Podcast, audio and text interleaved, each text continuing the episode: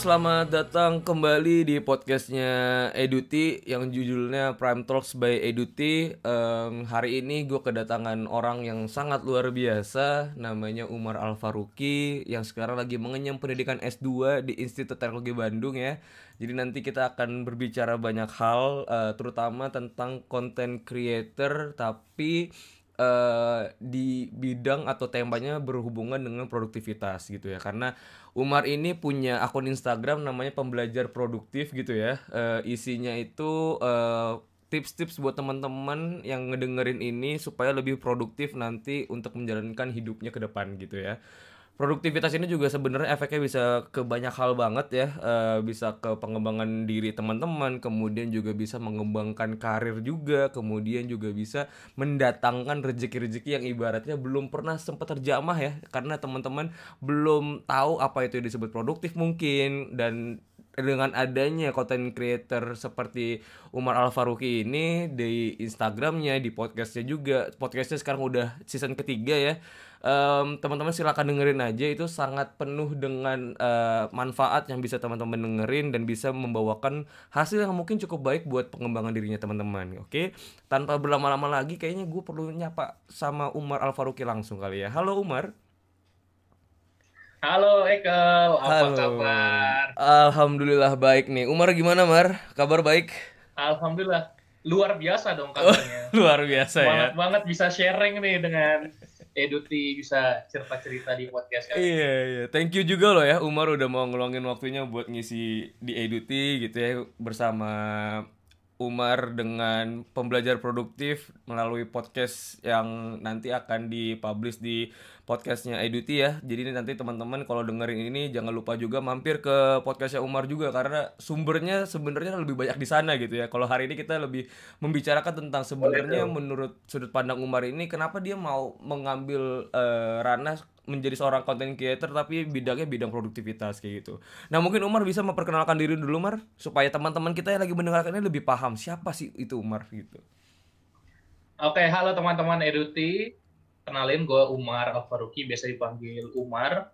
Kalau di Instagram gue biasa dipanggil Bang Umar di pembelajar produktif. Jadi lo bisa langsung tanya-tanya gue di sana. Nah, gue ini sekarang kalau kegiatan formalnya gue sedang menyelesaikan tesis S2 di ITB, layanan teknologi informasi.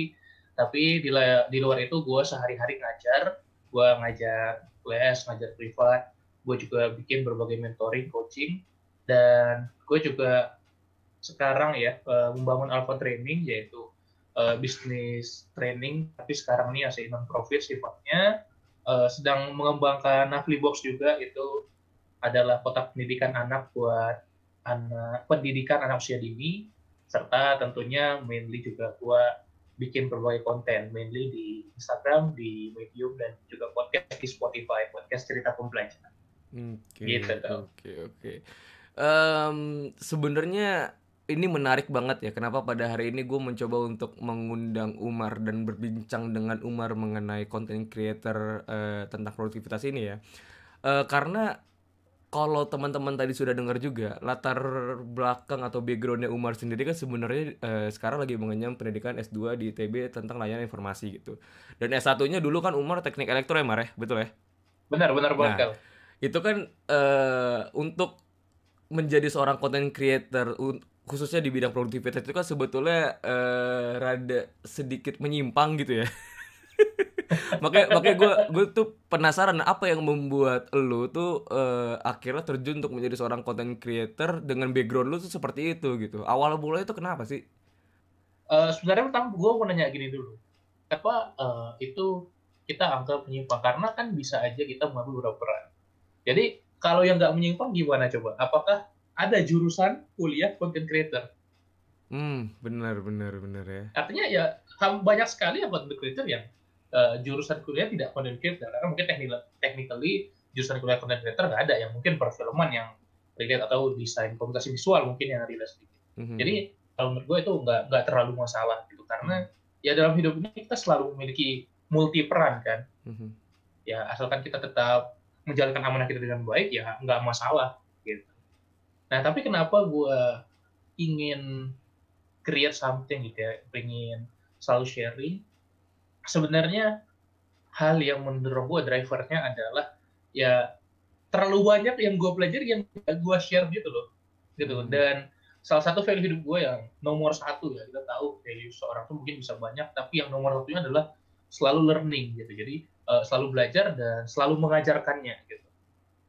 Eh, akhirnya apa yang gue dapatkan itu ya gue ajarkan terus gitu. kalau teman-teman gue tahu eh, Mar hobi lo apa? Gue langsung jawab hobi gue ngajar fix. Mhm. itu no debat itu langsung hobi gue nah tapi selama ini ya gue ngajar sebagai kerjaan gitu ya. Selama kuliah gue juga ngajar matematika fisika les segala macam. Ya itu gue ngajar sebagai kerjaan. Tapi gue harus ada yang kurang nih bahwa sebenarnya ketika gue mengajar gue seneng banget ketika orang itu eh, paham ketika orang itu ngerti ketika orang itu menjadi lebih baik ketika orang itu berkembang dan akhirnya gue mencoba ngisi-ngisi di berbagai kesempatan gue menemukan suatu inti nih di dalam mengajar nih. Jadi kayak itu suatu kerang mutiara yang di dalamnya ini adalah gini intinya. Mhm.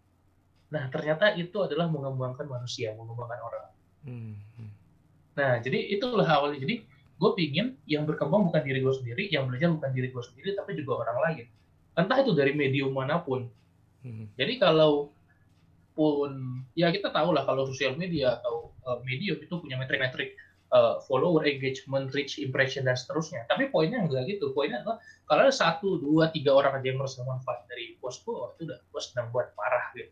Hmm, Oke oke oke. Jadi Itu alasannya. eh, nggak peduli seberapa banyak ya. eh, yang penting kalau satu atau dua orang yang memang sudah tergerak dengan konten lu, ya itu artinya udah sangat memuaskan juga gitu. Berarti artinya ada perubahan yang akan muncul di diri seseorang karena ada faktor mungkin mendengarkan atau menyaksikan konten dari yang lu udah buat gitu-gitu ya Mare. Benar banget, Oke benar oke. banget. Cuman di sini gue mau menggali lebih dalam sih. Em, kenapa lu pengen banget mengembangkan orang gitu? Maksudnya di satu sisi kan kita eh apa ya nggak bisa munafik juga. Kadang-kadang kalau misalkan gue pribadi nih misalkan ya gue eh, mau, mau mencoba untuk menjadi seperti lu gitu menjadi seorang content creator di bidang produktivitas untuk mengembangkan orang lain gitu. Tapi pertanyaan yang muncul adalah apakah diri gue nanti akan ikut berkembang juga atau enggak gitu? Jadi eh, kenapa pada akhirnya lu memilih untuk mengambil sudut pandang eh, ya udah yang penting gue mau ngembangin orang lah gitu. Artinya kan sebenarnya implikasinya juga kita harus berkembang juga tapi gimana eh, what if kalau misalnya ternyata diri kita itu eh, belum bisa mengembangkan diri kita secara optimal gitu Nggak, jawabannya nggak mungkin. Karena jika lo ngajar, lo belajar dua kali. Itu adalah basisnya banget. Kalau lo ngajar, lo belajar dua kali. Eh, pernah nggak eh, lo merasa bener-bener senang banget ketika lo ngajarin sesuatu?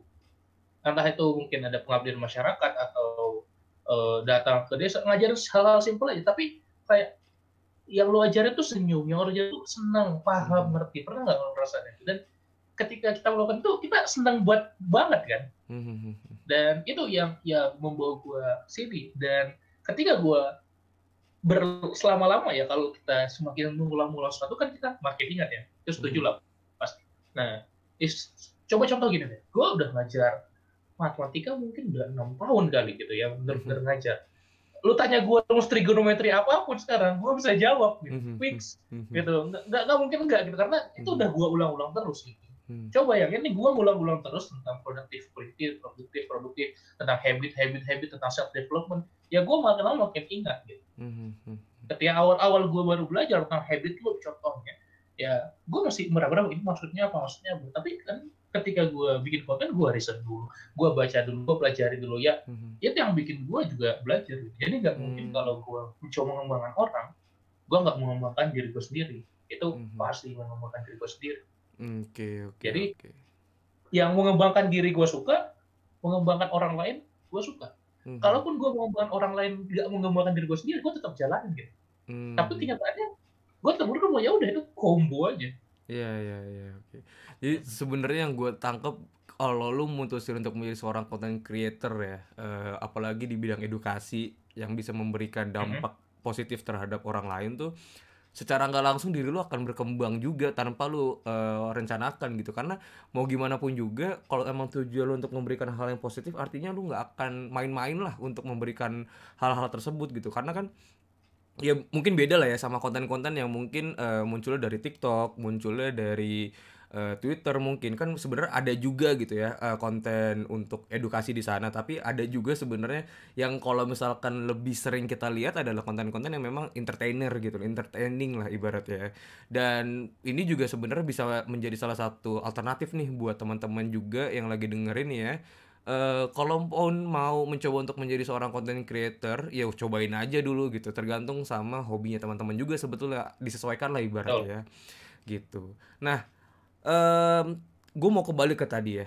Tadi lu bilang soal mengembangkan orang. Tapi kan mengembangkan orang Hmm. ini kan sebetulnya banyak bidangnya, Mar. Maksudnya banyak banget hal-hal yang bisa dikembangkan dari eh, seorang manusia gitu. Em, dan yang gua penasaran di sini adalah dari sekian banyak ya eh, faktor yang bisa mengembangkan seorang manusia, kenapa yang lu pilih adalah topik tentang si produktivitas tadi gitu? Oke. Sip. Nah, jadi sebenarnya kalau ditanya topik gua apa, mainly topik gua itu berkutat di tiga. Ya, Hmm. learning, productivity, dan habit. Oke. Ya, mainly di learning, productivity, dan habit.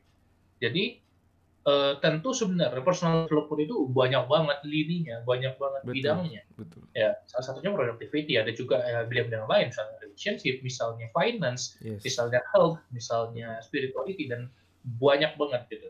Ya, gue tinggal menggali aja, gue spesialisasinya di mana. Mhm. Apa, buku-buku yang gue baca tuh majority, majoritinya apa. Podcast yang gue dengar tuh majoritinya apa. Ya, akhirnya gue menemukan eh, hal itu gitu, di antara tiga ini, productivity, learning, sama habit. Dan kalau misalnya gue, gini, gue bisa juga gue kalau misalnya gue ngonten tentang eh, apa ya, financial planning Mhm. gitu ya. Tapi ya gue gue gak jago gitu akhirnya. Ya mungkin nanti gue gak semangat sampai akhir gitu ya. Atau mungkin udah sampai konten ke 25 gue udah kehabisan ide. Jadi eh, itu yang menjadi penyebab kenapa gue milih kalau istilah orang konten tuh niche ya niche Iya, gitu iya. ya. Mhm. Ya, ya seperti apa ya akhirnya gue pilih niche-nya eh, si personal development terkhusus tiga ini gitu ya. Mhm. Dan kalau sekarang gue dikenal eh, utamanya tentang habit gitu. Kenapa? Karena eh, dulu gue nggak mau, dulu gue mau bahas personal development semua bakal gue jabanin gitu. Terus ternyata ketika gue pelajari lagi, oh nggak bisa kita harus niche down, niche down, niche down, Eh, sampai akhirnya, oh ternyata yang productivity udah banyak juga. Gue masih cari yang yang dikit tuh yang dalam bidang gue ya habit tadi. Gitu. Ya alhamdulillah sekarang eh, teman-teman microblog gue juga eh, kalau misalnya nanya sesuatu tentang habit pasti nge-refernya ke gue gitu karena Mhm. gue niche down sampai spesifik gitu. Oke, oke, oke. Kemudian yang membedakan antara learning, productivity sama habit itu sendiri kan sebenarnya Hmm. memang dari dari definisi memang sudah jauh berbeda ya. Cuman gue Yap. pengen tahu dong eh yang membedakan secara basicnya itu tuh seperti apa gitu. Yang namanya learning kan harusnya berkesinambungan sama productivity, berkesinambungan juga sama habit gitu kan sebetulnya. Cuman Ya. yang membedakan satu sama lain kemudian step apa yang harus dipelajari untuk membuat untuk menghasilkan habit lah ibaratnya. Itu tuh gimana, Mar? Ya, kalau gue intinya gini aja, kalau ditanya bahasan lu apa, gue langsung jawab habit produktif. Udah, gitu Mhm. aja. Gitu. Eh, dan learning lebih banyak tersirat di konten-konten gue. Intinya adalah habit produktif. Makanya, Oke. mainly konten-konten gue di Instagram gitu ya, itu lebih, kalau mungkin kalau di podcast, gue kan lebih santai aja ya, lebih sharing aja. Jadi, mungkin lebih diverse juga cerita-ceritanya. Dan kan long form content. Nah, tapi kalau di Instagram, ya gue mainly tentang habit gitu. Dan itu kalau gue bahas tuh banyak banget gitu. Kalau Hmm. lu suruh gue ngisi 6 jam, sabi gue jabanin gitu. Kalau bahas tentang habit nih. Mau dari habit loop, habit hacks, kemudian Iya, iya, behavioral science, neuroscience-nya. Dan itu memang banyak banget. Tapi Hmm. intinya adalah, eh gue merasa ini adalah suatu core. Gitu. Coba gini deh, coba. eh kalau misalnya, gini, lu punya resolusi tahun ini apa? Coba. Resolusi tahun ini sejujurnya gue bukan tipikal orang yang ngebikin resolusi sih Mar setiap tahun ya. Jadi gue lebih orang yang cenderung oke ada sesuatu di depan gue gue jalanin aja kayak gitu. Oke, gue ganti pertanyaannya. Lu punya target nggak? Satu aja. Target gue ada sih. Kan gue lagi ngembangin Eduti Apa, juga nih. Misalkan ya gue pengen. Eduti itu eh, cepat growth followersnya, cepat memberikan dampak em, kepada halayak ramai yang kayak lu juga lah memberikan dampak positif kepada orang banyak juga dan mengundang pembicara yang menurut gue eh, sampai sekarang sebetulnya masih belum bisa gue undang karena ada keterbatasan satu sama lain hal gitu sih Mar. Jadi Ya, pengennya ada suatu acara dari Eduti tapi eh, mengundang seseorang yang memang memberikan influence itu cukup banyak dan cukup eh, besar lah gitu. Nah, eh, poinnya gini, poinnya itu kan eh, adalah si outcome-nya tadi kan. Yes. Dan menurut gua cara terbaik untuk eh, target lo itu bisa tercapai gitu ya, adalah lu dengan membentuk si habit itu. Artinya mau Hmm. target lu apa pun, tujuannya adalah eh, caranya adalah dengan membentuk si habit yang strong. Lu pernah nggak eh, misalnya hari Senin nih, wah gue semangat banget nih, editing mau gini, gini, gini, banyak kepikiran ide segala macam, tapi Selasa udah males-malesan lagi. Hmm, hmm, hmm, Gitu. Jadi ya muncul dinamika-dinamika itu dalam berbagai kehidupan kita. hmm, Kenapa? Karena kita butuh motivasi kan untuk berubah. Kita butuh motivasi untuk jadi lebih baik. Nah, the problem is motivasi kita naik turun. Ya, ya betul. Ketika motivasi kita tinggi, kita nge-plan sesuatu. Ketika motivasi rendah, plan-nya itu nggak bisa kita jalankan. Hmm, Makanya gue sering nyebut di awal menggebu, di akhir berdebu. hmm, hmm, hmm. Jadi di awal betul-betul semangat, akhir akhirnya bablas hilang gitu. Nah, poinnya adalah dengan kita untuk habit. Apa contoh habit? Ya kebiasaan kita sehari-hari. Sikat gigi itu adalah habit karena kita lakukan tiap hari. Hmm, hmm, hmm, Makan siang itu adalah habit karena kita lakukan tiap hari. hmm. Coba bayangkan, eh Ekel spend waktu lewat research tentang apa yang ada di industri atau membaca tentang apa pun gitu ya. Itu yang nanti akan bentuknya. Hmm. Lu gak akan bisa sehat gitu ya, atau bugar kalau lu lari maraton 10 km sekali doang gitu. Mending lu lari 1 km tapi ya setiap pagi itu lakukan terus. hmm, Lu nggak bisa pinter kalau lu baca banyak buku, anggaplah 5 buku lu baca satu bulan ini. hmm. Lu nggak pinter gitu, tapi lu pinter gimana kalau setiap hari lu baca mungkin 15 menit, tapi konstan terus. Oke, oke, oke. Jadi mau apa pun lini pengembangan diri kita, ya habit pasti akan berperan untuk Oke, ya ya ya. Gua gua gua gua nangkap sih poinnya. Ini ini soalnya juga menjadi ya permasalahan juga ya bagi nggak tahu gua ngeliatnya mungkin generasi kita kali ya, generasi em, yang akan memegang kelanjutan daripada negara ini gitu. Cie, gue berat banget nih bahasanya. Ya, asik. Sedap. Eh, iya, iya. Eh, ini ini mengantarkan gue ke satu pertanyaan yang mungkin em, bisa menjadi diskusi yang cukup menarik nih. Menurut lu, lu Nah. memandang kondisi kita hari ini tuh gimana sih, Mar? Maksudnya, eh ya gue tadi udah udah udah udah paham juga lah dari yang udah lu sampaikan tadi mengenai pengembangan manusia gitu ya. Tapi kan akan menjadi lebih kuat lagi eh, sebuah motivasi tadi untuk mengembangkan seorang manusia tadi kalau memang ada konteks permasalahan di sini. Dalam artian Ya. kalau ada masalahnya apa, eh, lu nggak akan pernah bisa lu memilih untuk tidak akan pernah menyelesaikan eh, hal yang lu kerjakan sampai masalah tersebut tersolusikan gitu kan. Jadi ada ada Mhm. another em, motivasi lah gitu yang muncul di sana selain emang sekedar hobi gitu ya. Nah, kalau lu sendiri gimana melihat kondisi eh, generasi kita lah ya, maksudnya seangkatan kita, kemudian mungkin dua tahun di atas atau dua tahun di bawah gitu, Eh tentang si produktivitas ini menurut lu gimana Mar? Ya, kalau menurut gue, eh, terutama mungkin berarti konteksnya umur 20-an lah ya. Yes. ya yes. banyak hal-hal yang sekarang populer gitu dan mungkin jadi buzzword lah. quarter life crisis lah, mental health lah, Mhm. dan hal-hal ini yang eh, tergaungkan terus gitu loh, tergaungkan terus eh, problem-problem yang muncul. Nah, the problem is eh, solusinya mana, Iya. gitu kan? Akhirnya solusinya mana? Akhirnya banyaklah orang bikin konten-konten motivasi, mungkin konten-konten yang mendidik gitu, konten-konten yang seperti itu dan Mhm.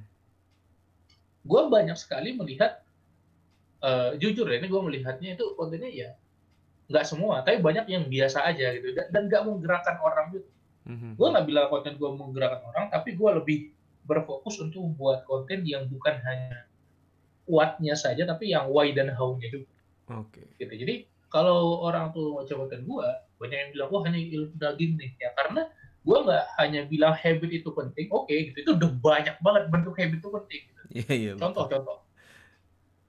Gimana cara lu bisa pintar? Adalah konten. Lu harus bentuk habit membaca. Mhm. Oke, ya gue mau bentuk habit membaca dong. Siapa yang nggak mau gitu kan? Iya. Tapi apa yang harus kita lakukan? Bagaimana cara kita bentuk habit membaca? Apa step by step-nya? Metode apa? Teknik apa? Nah itu yang ingin gue share juga. Jadi eh, di sekarang ini hal itu langka kalau gue melihatnya ya. Iya. Karena tidak banyak juga orang yang mau belajar sedalam itu. Mhm. ya tujuan gua membuat itu aksesi- uh, aksesibel lah ke orang-orang bisa mudah me- mengakses hal-hal itu tadi.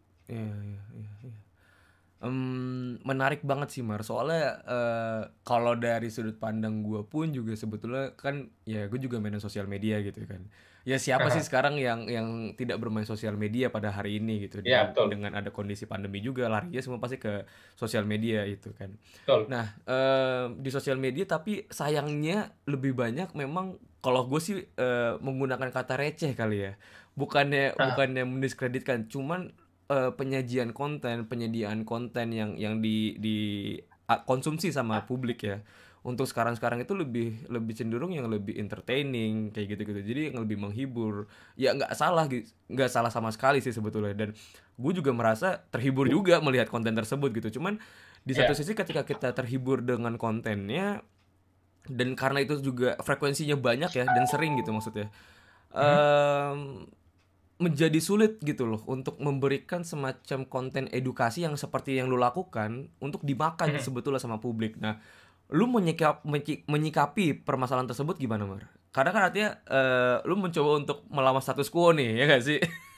Ya, di saat Ya. semua orang membuat konten yang sangat menghibur em, kemudian banyak juga hiburannya macam-macam sih bisa dengan obrolan kayak gini juga tapi diselingi sama komedi kemudian ada juga yang emang eh, ngebikin video-video lucu segala macam gitu nah gimana caranya lu bisa membuat orang tuh notice akan kehadiran lu dengan konten lu yang tentang produktivitas ini oke. Aku yang bikin konten tentang yang entertaining itu banyak Mhm. dan yang besar ada ya kan, yang, yang Hmm. legend ada. Nah kalau yang untuk edukatif menurut lo ada atau enggak? Ada pasti ada pasti ada Nah itu ya, jadi pasti eh, ada ya. Mungkin yang emerging mungkin ya kalau yang gede-gede seperti satu persen ya, ya dan betul. beberapa contoh lainnya lah. Tapi Hmm. eh, harus kita akui juga itu kalah jumlah gitu betul dengan betul. yang akun-akun entertain itu harus kita akui.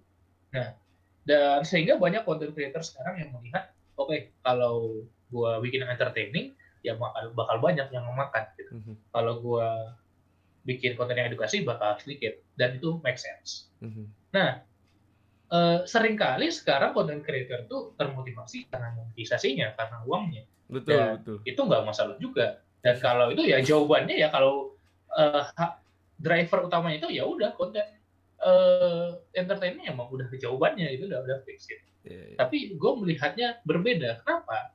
Karena ya tentu itu bukan driver utama gue. Karena gue melihat impact. Dan kalau gue sengaja mendesain konten gue itu tidak terlalu awam. Dan gue banyak dicerca banyak microblogger yang lain, nggak banyak sih beberapa. Kayak dibilang eh, terlalu sulit atau terlalu teknis Iya. atau mungkin paham sulit dipahami. Mhm. Dan gue nggak masalah karena kalau kita tahu framework AIDA ya, jadi dari awareness, interest, desire, action, Mhm. Nah, gue itu nggak target gue sekarang adalah belum untuk menarik orang awam menjadi eh, tertarik ya men- eh, menjadi interest ke personal development. Mhm. Tapi orang yang emang mau mengembangkan dirinya, sini gue kasih lu skillnya. Gitu. Hmm, oke oke. oke. Nah, artinya untuk sekarang ya, untuk sekarang gue emang membatasi scope itu. Dan itu kan berpengaruh ke bagaimana kita mendesainnya. Iya, iya. Bukan desain dalam bentuk grafis tentunya, tapi bagaimana gue mendesain eh, konten-konten gue. Mhm. Nah, Jadi yang gue targetkan sekali lagi karena belum bukan kayak orang secara umum atau semua orang Indonesia enggak gitu ya, Mhm. tapi eh, memang market gue kecil ya nggak masalah gitu. Mhm. Karena tadi target gue adalah impact ke satu, dua, tiga beberapa orang aja. Oke, Dan itu bikin oke. gue senang juga. Gitu kalau. Iya. Oh gitu ya. Berarti memang em, lu tidak menyediakan konten untuk semua orang ya. Tapi eh, kalau emang ada orang yang mau konsumsi konten lu ya bagus gitu. Tapi emang lu diperuntukkan Ya, untuk orang-orang. Yang eh, punya niat secara kuat gitu untuk mengembangkan dirinya. Gitu kali ya, Mar? ya? For now, for Iya, now. iya, iya. Karena gue tentu kalau misalnya gue akunnya udah besar, gue pasti menarget yang itu juga. Oh, Jadi, oke, oke. Ada stage-stage-nya lah. Tentu kita planning milestone milestone.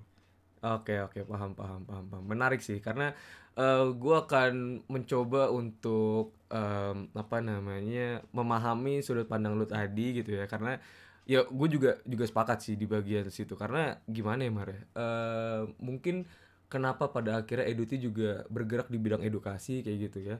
Mhm. untuk hal-hal yang bisa mengembangkan karir kemudian mengembangkan diri juga tentunya gitu. Dengan topik-topik yang kita udah buat dengan pembicara juga.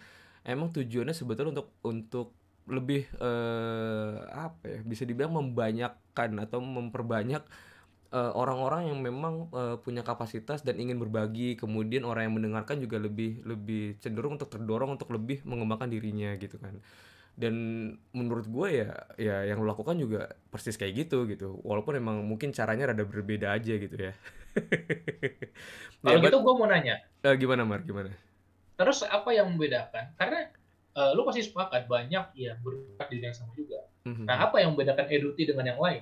Tentu pasti ada kan? Betul betul Nah, apa yang membedakan coba? Kalau yang ngebedain Editi sama yang lain sebetulnya em, lu tau kan persentase eh, pemahaman orang ketika belajar dari yang dari yang cuman ngeliat berapa persen, kemudian yang listening berapa persen, kemudian Ya, yang 5 sampai 20 persen. Yes, nah, gua tuh mengoptimalisasi yang diskusi sebetulnya. Diskusi kan itu yang I yang lu lakuin juga gitu. Itu sangat sangat Betul. optimal di mana ketika lu udah punya eh, pemahaman, kemudian lu menyampaikan lagi ke orang lain dengan pertanyaan yang mungkin eh, muncul dari orang lain tersebut gitu kan. Kemudian deh, I see. di sana bisa terjalin diskusi dan diskusi inilah yang menurut gua jarang untuk eh, dioptimalisasikan dengan eh, platform yang semacam Eduti ini di luar la- di luar sana gitu loh, Mar. Karena kadang-kadang juga namanya kelas online ya em, bikin ngantuk kemudian karena diskusinya tadi nggak ada gitu kehadiran diskusi yang optimal kehadiran yang eh diskusi yang ibaratnya kayak lu nggak cuma nanya sekali gitu mar. Lu bisa menanggapi sampai lu bener-bener oke lu gua nangkap nih poinnya ini gitu. Tapi nggak akan sampai paham banget sih sebetulnya. Karena kan kalau namanya paham banget kan ya banyak prosesnya gitu yang yang yang harus lu lakuin. Dari dari satu setengah jam gitu kan eh, kelas online kemudian minimal lu paham poinnya aja gitu. Ketika lu dapat pa- udah dapat poinnya apa lu bisa tuh ngembangin ke pembelajaran-pembelajaran yang lu butuhkan nantinya. Kayak em, nonton nonton video YouTube yang bersangkutan kemudian dengerin podcast juga ya sesuai sama eh, topiknya gitu. Jadi gitu sih Mar. Kalau Hmm. gua ya kalau misalkan gua jawab ya soal pembeda antara Eduti dengan platform lain yang bergerak di bidang edukasi juga kita lebih mengedepankan diskusi yang lebih optimal lah gitu yang lebih interaktif yang lebih lebih seru untuk mengoptimalisasi eh, pemahaman dari orang-orang yang memang ikutan kelas dari Eduti itu sendiri gitu paling mar Oke, ini kalau gue tanggapin singkat ya, boleh dan boleh mungkin lu bisa tanggapin singkat juga. Mhm. Eh, tapi lu tentunya sadar gitu bahwa cara main lu ini Iya. juga kalah kalah termakan dengan pasar. Gitu, betul betul betul video tadi, gitu kan. Nah, iya kan, lu pasti mau iya iya sadar akan hal itu juga gitu. Mhm. Artinya bagaimana lu bisa menanggapi itu karena lu punya why yang kuat tadi kan. yes yes Bener nggak? yes Karena lu punya purpose yang kuat tadi gitu. Mhm, Jadi mhm, akhirnya ya kalau misalnya memang kondisi seperti itu di fase sekarang ya, tentu ada stage-stage. mhm, mhm. Di fase sekarang ya kita aware dengan hal itu ya dan gak usah lu lawan gitu untuk Ya. sekarang. Mhm, mhm. Sekali lagi ada kata untuk sekarang nih. Iya. Nah, tapi ya lu asal punya purpose yang kuat, lu bisa cukup strong, cukup punya bensin untuk maju ke fase-fase berikutnya juga. Oke, ya, ya. Kita kita sama-sama berjuang ya, Mar, demi edukasi Indonesia yang lebih Tentu baik. dong. Cie. Wah, luar biasa pastinya. ya, ya, mimpi mah gede aja dulu ya. Eh, tapi kita juga harus punya effort buat merealisasikan lah ya, gitu. Biar sama-sama enak nanti waktu udah menjadi orang yang atau misalkan konten yang udah cukup punya influence yang lebih besar ke masyarakat Absolut. gitu ya. Nah, em, tadi kita udah ngomongin soal kenapa yang diambil adalah produktivitas, kemudian kita udah ngomongin juga tentang em, produktivitas yang dimaksud itu ada ada lininya juga kayak ada learning, ada productivity juga, kemudian ada habitnya juga, kemudian ada juga eh, pembahasan mengenai eh, permasalahan yang yang ingin disolusikan oleh Umar itu sendiri gitu ya. Nah sekarang Hmm. gue mau coba ajak Umar buat menjawab nih eh, salah satu pertanyaan dari Instagram nih, gue bacain aja ya dari Oke. Miss Gibbs Gipsopila gitu. Katanya gini, eh Mar mau nanya dong cara efektif dan efisien untuk personal development di samping prioritas sebagai mahasiswa. Jadi ini kondisinya dia lagi mahasiswa, sebagai mahasiswa. Dia pengen tahu dong gimana cara Mhm. efektif dan efisien untuk eh, mengembangkan dirinya gitu. Oke, cool. Nah, jadi pertama tentu kita harus paham ya, banyak yang masih belum bisa membedakan efektif dan efisien itu apa. Yes. Dan produktif memang eh, kedua elemen tadi. Efektif berarti tujuannya tercapai, targetnya sesuai apa yang lo inginkan, dan efisien itu berarti lu menggunakan effort yang sedikit untuk hasil yang banyak. Oke oke. Nah, poinnya gini. Nah, gue bagi dua kalau gitu.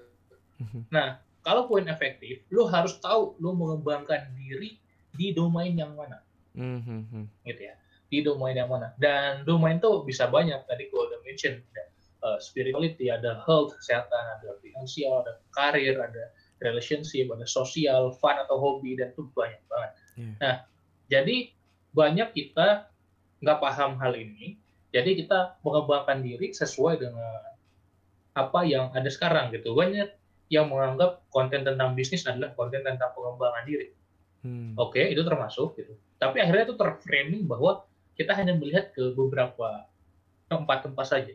Oke.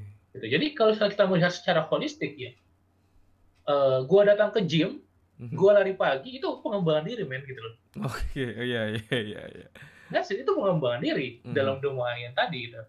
Eh, jadi pengembangan diri itu bukan hanya ikut course, bukan hanya baca buku, itu pengembangan diri tapi dalam domain yang satu. Gitu ya. Oke. gue setiap hari setiap gue bayar eh, makan gitu ya gue selalu catat pengeluaran gue Mhm. sehingga pengeluaran gue cash flow gue tertata itu termasuk pengembangan diri juga Mhm, mhm. Oke. investasi saving budgeting itu juga diri dalam saving finance nah jadi yang pertama adalah supaya efektif ya ingat gue sekarang masih bahas yang efektif Mhm. supaya efektif lo harus tentukan dulu domain mana yang mau lo kembangkan di diri. Oke, oke, oke. oke jadi tujuannya tercapai jangan sampai kita terjebak ke hal yang lain akhirnya dapat gitu ya Mhm. tapi hanya output bukan outcome bukan benar-benar apa yang lo inginkan Oke. kemudian yang kedua adalah efisien Mhm. kalau efisien nih lo harus eksperimen lo akan lebih cepat belajar akan lebih nangkep retensi lo lebih tinggi kalau lo belajar dengan cara apa Mhm. Ya. Mhm. dengan cara ini bisa baca buku bisa denger Hmm. podcast bisa nonton video bisa macam-macam ya kalau misalnya gue contohnya gue sangat eh, suka podcast ya gue sangat senang podcast ya ketika di jalan gue sambil eh, pakai earphone gue dengerin podcast Oke. gitu dan itu efisien juga kan secara waktu itu kan Betul, betul, multitask betul. Mhm. jadi eh, lu cari lu senangnya apa Mhm. dan gue senang medium audio dan misalnya kalau dengan podcast gitu ya atau dengan Mhm. YouTube gitu kalau gue yang sekarang nonton video apa pun gue pasti dua kali speed Hmm. dan itu kan banyak juga yang udah melakukan itu Mhm. Eh, bahkan kalau misalnya video Indonesia gue pasti tiga kali speed gue cari pluginnya gimana caranya tiga kali speed di YouTube dan itu ada gitu Oke, oke, oke, oke, nah jadi eh, akhirnya tapi nggak semua orang cocok belajar dari situ gitu. Iya, iya. nah mungkin lu cocoknya belajar dari baca buku mungkin lu cocoknya belajar langsung nyobain Mhm. mungkin lu cocoknya ngobrol sama orang diskusi Iya. mungkin lu cocoknya nyari seorang mentor atau coach setiap orang punya caranya yang berbeda-beda Oke, oke, oke. itu untuk efektif dan efisiennya Siap, siap. Jadi em, buat Mbak yang tadi nanya ya, em, memang harus ditemukan juga sebetulnya metode apa sih yang yang cocok gitu ya untuk menjadi seorang yang punya pengembangan diri dengan cara efektif dan efisien gitu. Dan setiap orang beda-beda gitu ya caranya. Karena ya kalau disamain semua kan ya aneh aja gitu. Masa eh, gua sama Umar sama gitu ya cara pengembangan diri efisiennya gitu kan.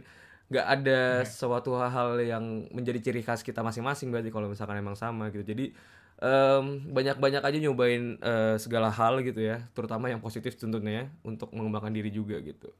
Nah, em, tadi kan sebenarnya lu, lu sempat bilang di awal waktu menjawab pertanyaan ini kan, banyak orang yang miskonsepsi nih antara efektif sama efisien sebetulnya, ya kan? betul Nah, betul. eh menurut lu sendiri nih selama lu menjadi seorang trainer lah ya katakan ini orang hebat banget Oke. jadi trainer gitu ya.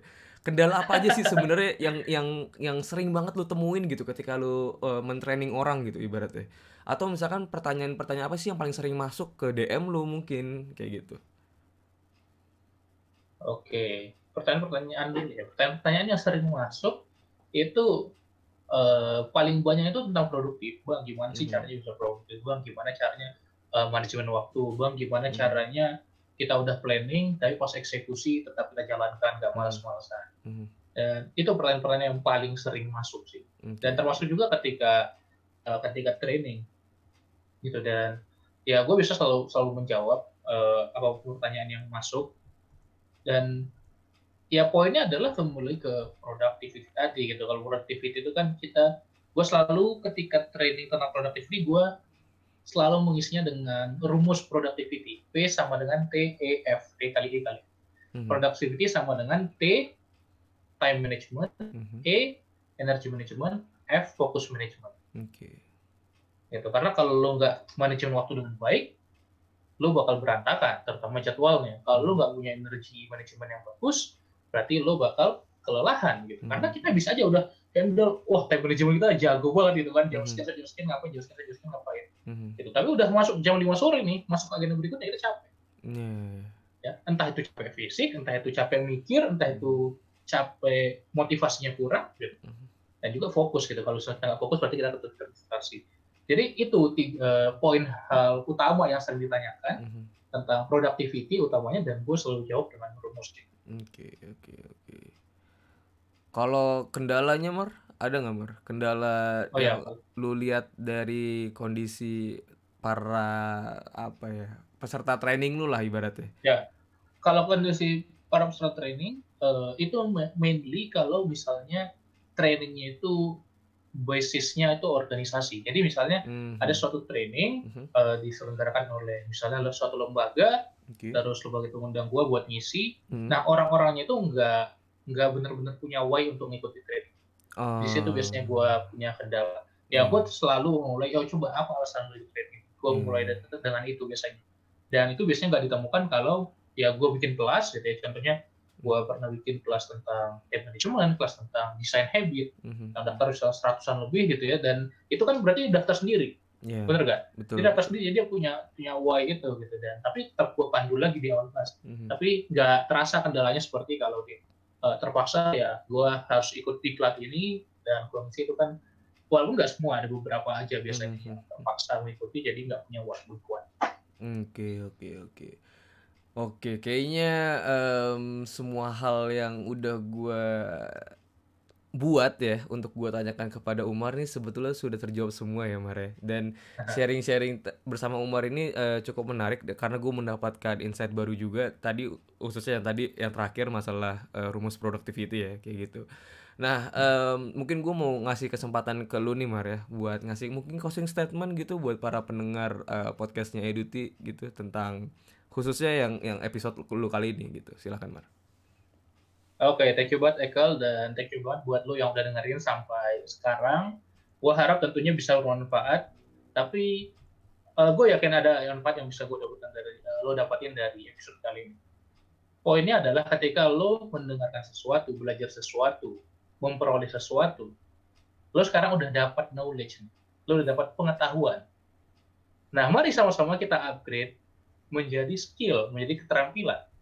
Caranya adalah dengan lo menerapkannya tadi mungkin kita bahas tentang productivity bahas tentang konten bahas tentang time management fokus dan seterusnya ya coba lo terapin Mhm. Nah, biasanya perbedaan antara pengetahuan dan keterampilan, gap antara knowledge dengan skill, itu bukanlah kemampuan, tapi kemauan. Oke. Jadi bukan lo mampu menerapkannya atau enggak, tapi lo mau menerapkannya atau enggak. Iya, iya. Jadi selamat menerapkan, semoga bermanfaat. Buat lo yang mau nanya, bisa reach gua aja langsung di pembelajar produktif. Ya, dari gua kurang lebih.